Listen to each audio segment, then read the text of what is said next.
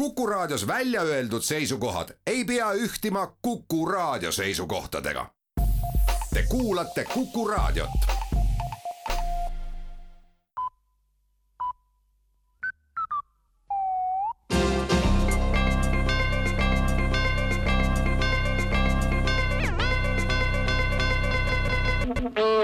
tere kuulama uudiseid, stuudios Rohke Debelak valitsuses ringleb seaduseelnõu, mis näeb lähemas tulevikus ette riigivalitsemise teenuse sisseostmise. pikemad vaatlused näitavad, et riigi juhtimine kahjustab erakondade mainet ning veidigi pikemalt võimul olnud erakonnad riskivad populaarsuse kadumisega, mistõttu juletakse harva ja peamiselt kohe valimiste järel ellu viia mõni hädavajalik ja samas tülikas ning ebapopulaarne otsus riigimehelikkus kahjustab erakonna mainet valijate silmis ja kuna valimisi on Eestis sagedasti, siis ei saagi erakonnad endale riigimehelikku käitumist lubada.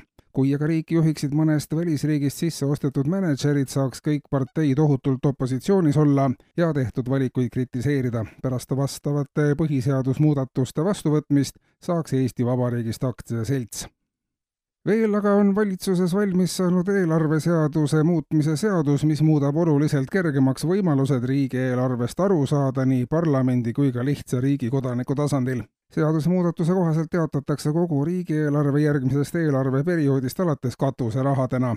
siis on iga saadiku või lähemalt erakonna otsuste taga ka konkreetne adressaat, kes ja kui palju raha ja mille eest sai või ei saanud üldse midagi senine umbmäärane ja üldsõnaline kulude seletus kaob. katuseraha suurus, mida jagada, on erinevatel erakondadel erinev ja sõltub kohtade arvust Riigikogus, nii on suurema populaarsusega poliitilisel jõul võimalik riigile ja rahvale rohkem head teha ja selle läbi ka heategevuse taustal oma populaarsust kasvatada, märgib eelnõu seletuskiri.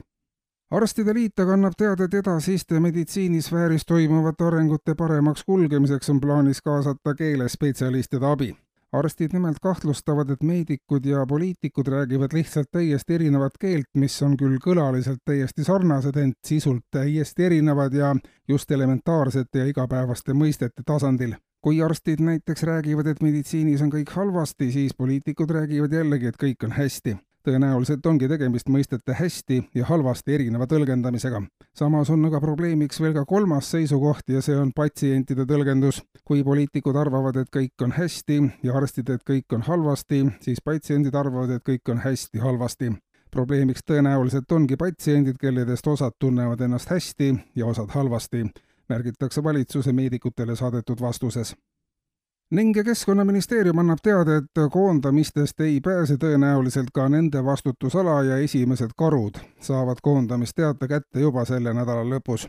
kokku on plaanis koondada enam kui kakssada karu, kellel aidatakse leida uus tegevusala ja pakutakse ka ümberõpet.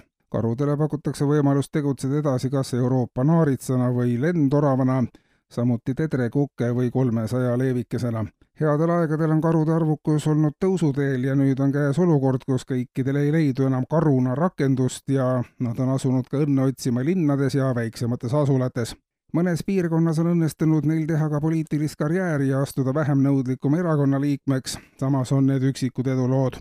riigipoolne täpsem juhtimine on selles küsimuses kindlasti omal kohal, märgib ministeeriumi teade. kuulsite uudiseid